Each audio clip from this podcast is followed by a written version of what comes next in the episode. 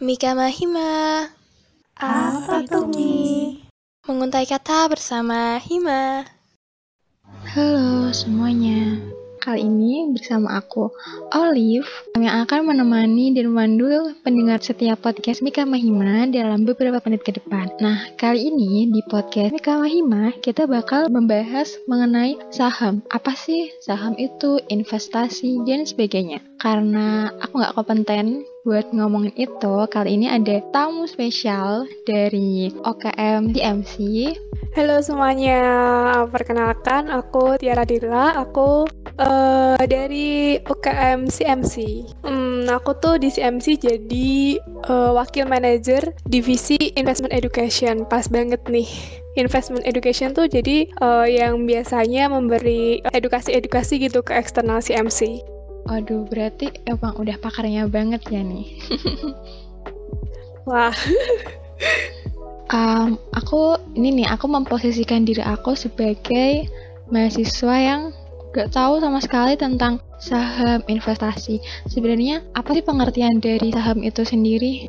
Uh, secara sederhananya nih, uh, saham itu tuh uh, sebagai bukti kepemilikan atas suatu perusahaan. Jadi kalau misalnya nih kita punya saham, itu uh, bisa berarti juga kita tuh sebagai bagian dari pemilik perusahaan itu. Walaupun uh, saham yang kita punya tuh cuma satu lot nih. Satu lot kan kecil banget nih buat skala perusahaan besar. Tapi uh, satu lot itu sah buat kita dianggap sebagai uh, pemilik perusahaan tersebut. Kayak gitu. Oke, okay, berarti misalnya aku beli satu lot di um, BRI, berarti boleh dong ngomong BRI itu punya aku? Itu boleh nggak sih? Oh, boleh banget dong. Oke, okay, nah itu kan udah sahamnya. Terus kita bahas tentang investasinya. Berapa waktu lalu tuh aku baru tahu ternyata investasi dan trading itu berbeda. Aku kira tuh ya sama, sama-sama investasi. Sebenarnya pengertian dari investasi sendiri itu apa sih, Tir? Uh, secara umumnya nih, kalau investasi itu ya, secara umum ya, kalau investasi itu bisa dikatakan sebagai penanaman modal uh, dalam jangka waktu yang cukup lama. Nah, harapannya itu uh, dari investasi itu nantinya bakal memberi keuntungan bagi kita untuk ke depannya. Nah, tadi kan Olive bilang ya, tahu investasi sama trading ya. Bener-bener. Nah, nih aku kasih tahu sekalian ya tentang investasi sama trading. Oke. Okay. Jadi uh, di dunia saham sendiri itu uh, biasa mengenal istilah investasi saham dan trading saham. Nah, investasi saham sendiri itu punya punya prinsip tuh. Prinsipnya itu buy, hold, and sell di kemudian hari. Karena investasi itu kan tujuannya untuk jangka panjang. Nah, sedangkan trading saham sendiri itu prinsipnya buy and sell karena uh, tujuan trading itu untuk jangka pendek.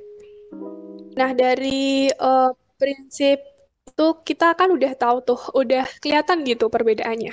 Kalau uh, investasi itu tadi kan buy, hold, and sell. Artinya kita itu membeli saham dan menyimpan saham itu dalam jangka waktu yang udah kita tentukan. Nah, jangka waktu itu uh, cukup lama ya, nggak sebentar, nggak cuma sehari dua hari. Nah, harapannya itu uh, dalam jangka waktu yang lama itu harga saham itu akan meningkat yang nantinya kita itu akan mendapatkan keuntungan dari uh, penjualan saham tersebut. Jadi ya udah kalau kita mau investasi, kita beli aja saham, kita diemin saham itu sambil kita terus tuh akumulasi beli setiap bulan atau setiap tahun uh, waktu harga saham itu sedang turun. Sama kita tinggal pantau aja tuh pergerakan harga saham itu, apakah dia naik atau uh, dia turun. Kalau turun pun nggak uh, terlalu masalah ya kalau investasi. Uh, dari segi, segi harga sahamnya itu biasanya biasanya akan meningkat. Kalau uh, saham investasi itu biasanya yang dicari itu saham yang meng menghasilkan dividen. Jadi selain kita nantinya itu dapat cuan dari uh, untung menjual sahamnya, kita juga dapat cuan tuh dari uh, dividen yang diberikan. Nah, sedangkan uh, di trading saham itu sendiri itu punya prinsip. Prinsipnya itu buy and sell. Uh, nah, buy and sell itu artinya kita tuh uh, gak perlu tuh menyimpan saham itu tuh dalam jangka waktu yang lama. Jadi kalau investasi itu tadi kan dalam jangka waktu yang panjang, biasanya itu lebih dari satu tahun. Nah kalau trading itu nggak perlu tuh nunggu satu tahun, bahkan biasanya itu bisa dilakukan trading saham itu uh, dalam hitungan jam atau hari. Itu nggak masalah kalau buat trading selama tujuan yang ingin dicapai itu udah tercapai. Nah, kalau nih kita niat uh, trading saham itu kita perlu banget tuh untuk selalu memantau keadaan pasar sama berita-berita uh, yang bisa menyebabkan harga saham itu bergerak. Jadi kalau trading itu kita harus terus tuh memantau berita atau uh, ada sentimen-sentimen apa nih dari pasar yang bisa menyebabkan harga itu bergerak. Seperti itu. Udah paham belum? Ya lumayan terjelaskan sih aku. Jadi um, kalau aku ambil kesimpulan ya, tapi nanti dibenerin ya kalau misalkan salah. Jadi okay. tuh kalau investasi untuk kita ke depannya. Tapi kalau trading itu lebih ke kayak pengen untung cepet gitu nggak sih? Pengen dapet cuma cepet gitu. Iya bener banget. Jadi kalau investasi itu kan jangka panjang. Ibaratnya kita tuh uh, nabung uang tapi kita tuh juga dapat hasil gitu, dapat uh, keuntungan. Tapi kalau trading itu bener banget kata Olive. Kalau trading itu kita pengen keuntungan cepet aja. Jadi uh, kalau misalnya tujuan kita udah ter terpenuhi ya udah kita jual aja. Sih yang penting kita udah dapat untung seperti itu. Terus kenapa sih kita tuh harus berinvestasi? Tujuannya buat apa gitu loh? Manfaatnya itu untuk kita apa? Nah, uh, investasi tuh penting banget tuh buat kita semua, buat semua kalangan, bahkan semua umur nih. Apalagi kan uh, kita kan uh, mahasiswa itu tambah penting banget karena kan kita uh, juga udah uh, bisa belajar tuh tentang investasi itu seperti apa dan kita juga punya modal tapi mungkin nggak banyak tapi kan kita punya nah dengan investasi tuh kita uh, bisa belajar gitu money management agar kita tuh nggak boros karena kan uh, kalau kita investasi ah. pasti kita juga mikir ah aku harus nabung nih aku yeah, harus hemat bener. jadi kan uh, itu bisa membantu kita buat nggak boros juga selain itu uh, dengan investasi itu kita juga bisa tuh um, menjaga nilai uang kita agar nggak termakan inflasi. Karena misalkan nih kita menabungkan uang kita di celengan, terus kita menabungnya satu juta satu juta masukin ke celengan.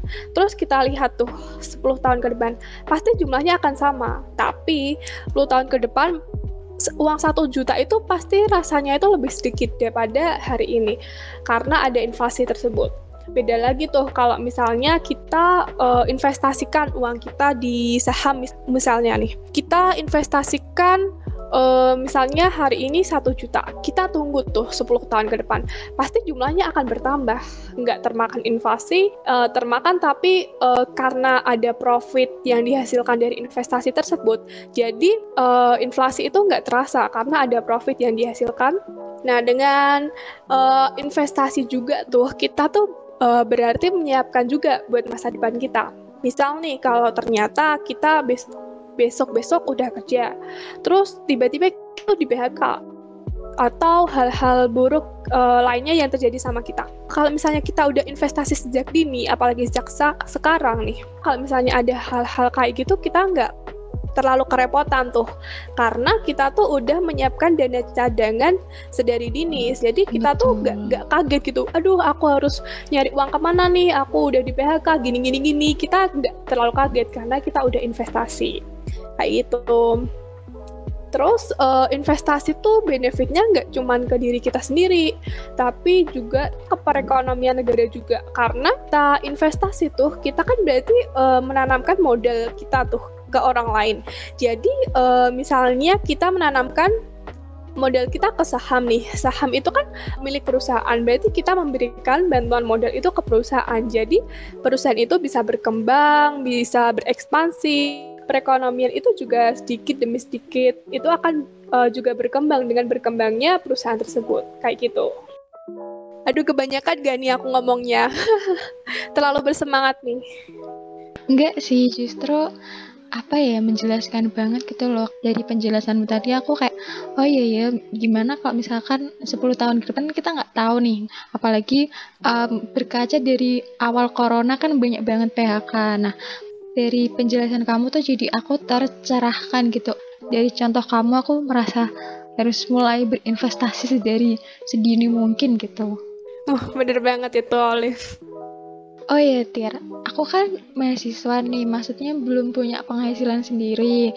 Bisa nggak sih kalau misalkan kita mulai berinvestasi dengan model yang seadanya atau ada nggak sih minimum model buat kita bisa untuk investasi di saham?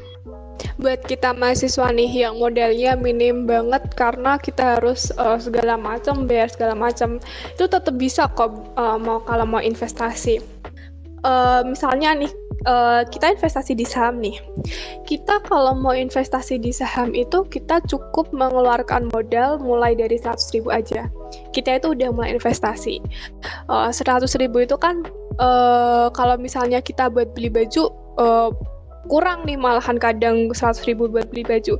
Nah tapi di saham itu kita yeah. udah bisa mulai dari 100 ribu kita udah uh, bisa tuh buat investasi, kita udah bisa beli saham, kita udah uh, bisa mainin saham itu, kita nanti uh, kita bisa dapat profit dari saham itu buat uh, itu kan 100 ribu awal nih kita mem membuka akun saham buat uh, kita mulai investasi kita mulai mulai modal 100 ribu itu. Untuk ke depannya kita juga bisa meneruskan investasi menambah modal kita itu dengan cara uh, kita menabungkan tuh uang saku kita. Misalnya kita biasanya jajan 5 ribu kita uh, sisihkan 1000 buat uh, kita tabung buat investasi. Terus kalau udah kekumpul kita belikan saham lagi untuk investasi itu bisa banget karena kan kalau di saham itu fleksibel ya kita nggak uh, kita nggak ada tekanan gitu harus kamu kamu sebulan harus dapat segini, kamu harus beli ini, ah, kamu iya sih, harus beli saham iya. ini, jumlahnya segini. Itu kan nggak ada tuh di saham. Nah, mumpung kita masih mahasiswa juga nih, kan kita kan uh, masih ditanggung orang tua. Kita belum kerja, kita kalau apa-apa masih minta orang tua, segala macam masih ditanggung orang tua nih. Hmm. Jadi uh, kita tuh bisa fleksibel, bisa lebih mudah buat belajar investasi. Dan kalau misalnya nih kita di investasi saham itu mengalami kerugian nih, kita pun uh, merasakannya itu nggak seberat kalau kita udah kerja, kalau kita udah punya tanggungan. Karena kan kalau kita udah kerja udah punya tanggungan kalau misalnya kita rugi nih aduh pusing banget gajiku bulan ini habis gak aku iya, besok mau makan apa bla bla bla bla. Kalau kita udah kerja kan mesti kayak gitu. Tapi kalau kita masih mahasiswa kan masih kayak gimana ya masih uh, bisa terhandle gitu dengan uh, uang yang diberikan orang tua kita. Tapi perlu perlu diingat juga nih, mungkin mahasiswa modalnya sedikit, tapi uh, dia tuh udah nafsu banget gitu buat investasi, pengen cepat dapat profit yang bagus. Caranya itu dia uh, dengan pinjam uang. Nah itu nggak boleh banget. Karena kalau ya, misalnya kita investasi itu usahakan pakai banget wajib. Itu pakai uang dingin jangan pakai uang pinjam atau uang panas. Uang panas itu bisa dikatakan juga sebagai uang penting kayak gitu. Intinya kalau mau berinvestasi ya dimulai dari kita dengan modal kita sendiri ya. Ini ya misalnya aku kan pemula aku investor investor pemula nah itu investasi apa sih yang cocok dan aman gitu buat pemula? Karena kan pasti banyak tuh yang takut eh nanti investasi bodong atau gimana? Nah itu investasi yang aman buat pemula tuh yang gimana? Sama mungkin ada contohnya gitu. Oh investasi yang aman buat pemula. Nah jadi uh, aku saranin aku saraninnya nih ya uh, investasi itu di saham karena apa? Karena uh, saham itu strukturnya jelas, pengawasnya juga ada. Jadi di saham itu uh, kita mau jual beli itu uh, ada pengawasnya, diawasin sama OJK. Jadi oh, uh, gak ada tuh aman. yang namanya investasi bodong. Kita kalau diciduk sama polisi gara-gara investasi bodong itu nggak mungkin ada karena di saham itu strukturnya jelas uh, di saham juga uh, yang ngikut itu uh, perusahaan-perusahaan gede yang ah uh, itu uh, sebagai penggerak ekonomi juga. Pastinya nggak mungkin ada tuh investasi investasi bodong di saham. Kalau kita bener-bener bener uh, memilih sekuritasnya kita uh, kalau sekuritasnya itu udah bener pasti uh, kita mau investasi di saham itu gampang banget. Lancar nggak ada hambatan nggak mungkin kita uh, dapat kasus-kasus kayak investasi bodong itu nggak mungkin banget. Jadi uh, kalau di saham sendiri ya itu kan banyak banget tuh pilihan uh, sahamnya. Jadi kalau buat pemula nih, aku saraninya uh, ki kita itu uh, belajar dulu. Kita belajar dulu pakai uang kecil, jangan pakai uang besar nih. Kita belajar dulu uh, pakai uang kecil. Kita uh, sekalian kita tuh uh, cari pengalaman dulu nih. Kira-kira uh, kira -kira ini uh, saham ini bagus nggak ya kalau kita uh, buat trading atau buat investasi tuh bagus nggak ya? Harganya tuh uh, terjangkau nggak sih buat mahasiswa kayak gitu kayak gitu? Kalau misalnya kita uh, pakai uang kecil pun nih kalau misalnya kita rugi kita tuh uh, nggak stres. Nggak stres kita nggak panik karena kita yang kita pakai uang kecil. Kayak yang Olive tadi bilang kan kita nggak terlalu bingung kalau kita pakai uang kecil.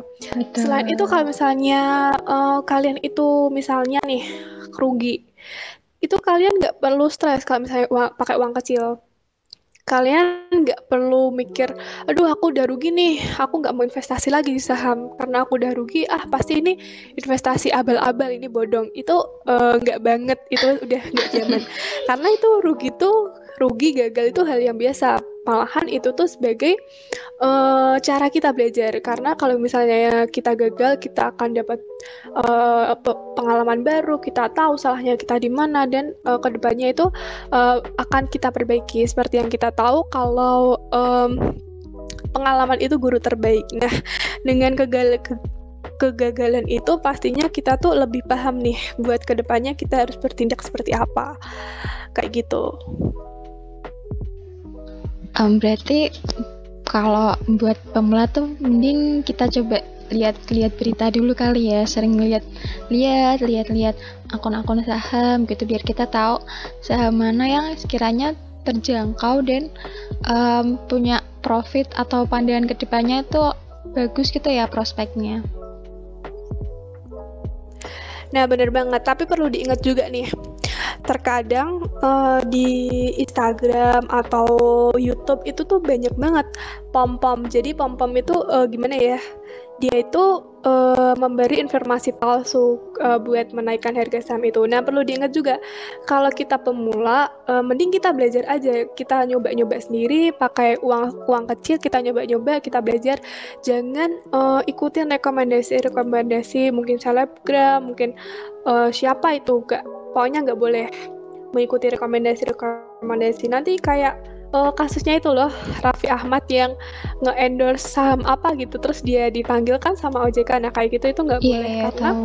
kita tuh nggak boleh percaya sama siapa pun kayak gitu. Nggak apa-apa lihat uh, Instagram Instagram tapi kita juga perlu tuh kita juga analisis analisis sendiri kita pantau sendiri kayak gitu.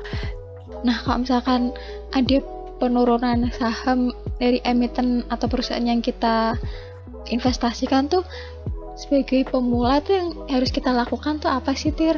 Apakah aduh turun nih nanti ke depannya bakal turun lagi kita jual atau gimana gitu? Nah, nih buat pemula penting banget. Jadi uh, sebelum kita beli saham nih, utamakan tuh kita tuh udah uh, menentukan dulu nih arah ke depannya tuh kita tuh sebenarnya mau investasi atau mau ke trading nih. Kalau misalnya trading, eh kalau kita misalnya mau investasi, udah tetap mau investasi, penurunan harga itu nggak masalah karena kan kalau investasi itu jangka panjang. Nah kalau jangka panjang itu kan biasanya uh, harga cenderung naik. Kalau misalnya saham, uh, saham itu bagus. Kecuali kalau misalnya kita trading, trading kan uh, untuk jangka pendek. Biasanya uh, penurunan harga itu kan di karena kan ada sentimen-sentimen yang uh, membuat harga itu turun. Dan biasanya itu kalau misalnya saham itu baik uh, pasti dia akan naik lagi. Tapi kalau misalnya saham itu buruk uh, dia malah bablas turun ke bawah Nah, gimana buat pemula? Kalau misalnya kalian udah tetap mau trading, nggak investasi, kan kalau investasi nggak nggak usah ragu tuh kalau misalnya turun, nggak apa-apa. Selama uh, saham yang kalian pilih itu udah dianalisis dengan baik, kita udah yakin prospek ke depannya bakal bagus. Kalau misalnya trading, uh, sebelum kita membeli saham tuh kita juga perlu buat membuat trading plan. Nah, trading plan itu apa? Trading plan itu kita tuh merencanakan dulu nih uh, seberapa besar profit yang pengen kita dapat? Misalnya 5% nih profit yang pengen kita dapat. Dan kalau misalnya saham itu turun kita tuh harus cut loss uh, berapa persen? Misalnya uh, kita harus cut loss di minus uh, 2,5 persen. Jadi kalau misalnya kita udah membuat rules kayak gitu kita udah merencanakan dengan matang harga itu turun misalnya turun uh, sampai 2,5 persen langsung aja kita jual. Udah jual kita nggak usah mikir lagi um, eh harga itu uh, gimana kalau harga itu naik lagi atau kayak gitu kayak gitu nggak usah karena kita udah jual kita uh, kita udah nggak usah urusan harga itu mau naik atau turun udah terserah dia. Yang penting kita udah keluar dulu nih dari uh, saham itu. Bisa jadi uh, iya kalau misalnya kita diemin, kita ubah trading plan kita, alah uh, bisa aja nih bakal naik uh, siapa tahu uh, malah dia mah turun gitu jadi perlu banget kita uh, udah menentukan rencana dulu dari awal jadi kalau misalnya kita harus cut loss pun kita tuh udah siap mental gitu karena kan kita udah uh, merencanakan dulu dari awal kayak gitu um, berarti intinya tuh di planning kita awal gitu ya Oke, tadi kan udah bahas mengenai saham-saham beli dan sebagainya. Tapi tuh gimana sih caranya kita beli saham? Mungkin bisa dijelasin. Uh, sebelum kita mulai investasi di saham nih, caranya tuh kita perlu uh, punya akun saham dulu. Gimana cara punyanya? Itu gampang banget kita cukup uh, buat rekening saham itu ke perusahaan sekuritas. Contoh perusahaan sekuritas itu apa?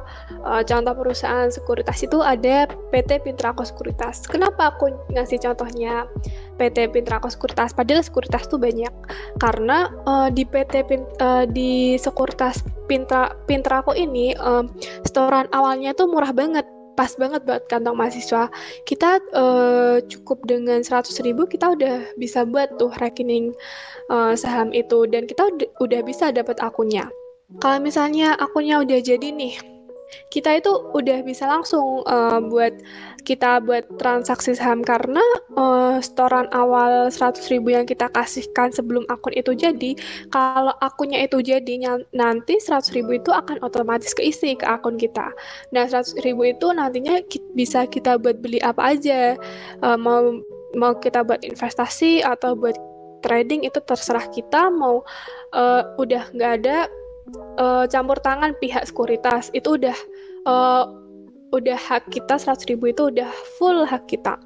Nah tapi uh, ada yang mikir nih mesti ya ribet banget harus ke Pintrako panas-panas. Nah jadi tenang aja teman-teman. Itu nggak perlu khawatir karena di Polines sendiri tuh ada galeri investasi. Galeri investasinya itu uh, eh, CMC Polines. Nah, di CMC Polines itu uh, juga menyediakan tuh open akun rekening saham. Caranya itu uh, kalian cukup hubungin aja teman-teman CMC. Bilang aja kalian, "Eh, aku mau investasi nih kak, tapi aku belum punya akun sahamnya gimana ya? Nah, nanti pasti teman-teman CMC itu bakal ngasih tahu nih cara-caranya apa yang harus kamu lakuin itu pasti pasti teman-teman CMC itu bakal membantu tuh tahap demi tahapnya dan uh, tahap-tahap yang harus dilalui itu nggak ribet, nggak menyita waktu, apalagi menyita tenaga sama uang tuh nggak banget. Semuanya udah gampang banget. Kalau tahap-tahapnya udah terselesaikan, akunnya udah jadi, kalian masih bingung nih, aduh tapi aku nggak bisa investasi, aku belum tahu akunnya isinya kayak apa, cara belinya kayak gimana, aduh pasar modal aja aku nggak tahu apa itu, kayak gitu misalnya. Nah itu nggak perlu bingung lagi tuh, karena kalau misalnya kalian uh, open akun di SCMC nih, jadi CMC tuh sering banget ngadain pembelajaran-pembelajaran tentang pasar modal kayak gitu. Contohnya itu ada SPM. Jadi uh, kalau misalnya nih kalian buka akun waktu acara SPM kalian itu uh, setelah buka akun kalian itu bakal langsung diajarin tentang pasar modal kayak gimana investasi saham kayak gimana terus tentang akunnya yang aplikasi yang akan kalian gunakan itu cara gunanya gimana itu pasti bakal diajarin. Kalau misalnya kalian nggak uh, open akun waktu SPM pun uh, kalian tetap bisa ikut SPM buat belajar tentang uh, investasi itu kayak gitu.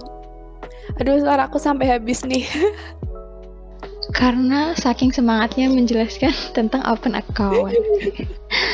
Berarti, wait, kalau open accountnya sendiri tuh bisa setiap waktu atau ada waktu-waktu khusus sih? Nah, uh, kalau buat open akun di SMC tuh uh, di mana aja sih? Di SMC atau di Pintrako, kalian tuh bisa setiap waktu, mau kapan aja tuh bisa. Kalian tinggal bilang aja sama teman-teman si MC nanti bakal dilayanin kapan pun itu. Bakal dikasih tahu cara-caranya bakal dipandu segala macamnya lah. Itu bisa kapan aja. Tapi kalau uh, kalian mau open akun waktu CMC ada event misalnya kita lagi ngadain FM Akbar nih kalian juga bisa banget.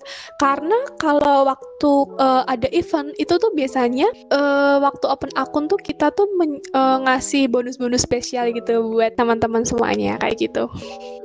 Berarti sangat mudah sekali ya buat kita mau open account. Intinya punya Instagram tahu si MC dan kenal sama anak-anak si MC bener banget. Tapi kalau misalkan kita mau tahu-tahu tentang saham lebih di CMC itu juga ngajarin gitu nggak sih selain event SPM itu? Kalau misalnya pengen belajar pun uh, di IG CMC tuh uh, kita tuh biasanya upload-upload juga tentang uh, uh, ilmu-ilmu tentang saham kayak gitu kayak gitu. Berarti intinya semua tuh mudah kalau kita mau mencari tahu ya karena di Paulina sendiri di CMC tuh wadahnya kita buat belajar saham ya nggak? Bener banget. Mungkin Tir, kamu ada pesan-kesan gitu buat para investor-investor pemula atau yang mau mulai investasi? Oke, okay aku pesan nih, terutama buat yang uh, belum investasi. Kalau kalian uh, belum investasi karena takut, kalian itu salah banget. Karena kalau kita uh, investasi waktu kita udah kerja, uh, itu malah lebih berat karena uh, waktu udah kerja itu kita uh, harus mikirin keluarga, harus mikirin tanggungan segala macam. Kita nggak fleksibel kalau kita mulai investasi sekarang kayak gitu. Jadi jangan takut buat mulai investasi uh, modal modal sedikit pun tuh nggak masalah karena uh, pinter-pinternya aja kita buat gimana investasinya. Jadi nggak masalah tuh modal mau sedikit apa kayak gitu berarti intinya mulailah mencoba sedari dini kita ya Bener banget, karena investasi itu penting banget. Kita perlu belajar banget dengan investasi. Betul, banyak banget benefit yang bakal kita dapat dari investasi dan nggak perlu takut kalau kalian bingung dan sebagainya, tanya aja si MC, tanya lihat aja akun si MC tuh um, sering ngadain live Instagram juga ya, bahas-bahas tentang saham gitu. Iya bener banget kalian kalau uh, kalau si MC live juga bisa tanya uh, tanya-tanya tentang uh, ketidaktahuan kalian tentang kebingungan kalian itu bisa ditanyain juga di live IG kita. Betul, daripada gabutnya kita cuman scroll-scroll Instagram itu kita bisa menggunakan waktu itu buat mantengin IG-nya si MC gitu kan. Iya bener banget. Sekalian kalian juga dapat ilmu tuh, nggak cuma membuang-buang waktu aja. Um, terima kasih ya Tiara udah mau sharing-sharing ke seluruh pendengar dari podcast mengenai saham, terus harus ngapain sih um, kita tuh investasi, ngapain sih kita tahu tentang saham, terus sampai caranya kita buat bikin akun dan mau beli saham pun dikasih tahu gitu loh. Terima kasih banget sih udah mau berbagi ilmu. Terima kasih juga buat Olive sama teman-teman udah mau mengundang si MC nih ke podcastnya. Iya, ya semoga bisa bermanfaat ya perbincangan kali ini. Ya pastinya bermanfaat sih. Amin. uh, mungkin itu aja dari aku. Sampai jumpa. Bye-bye.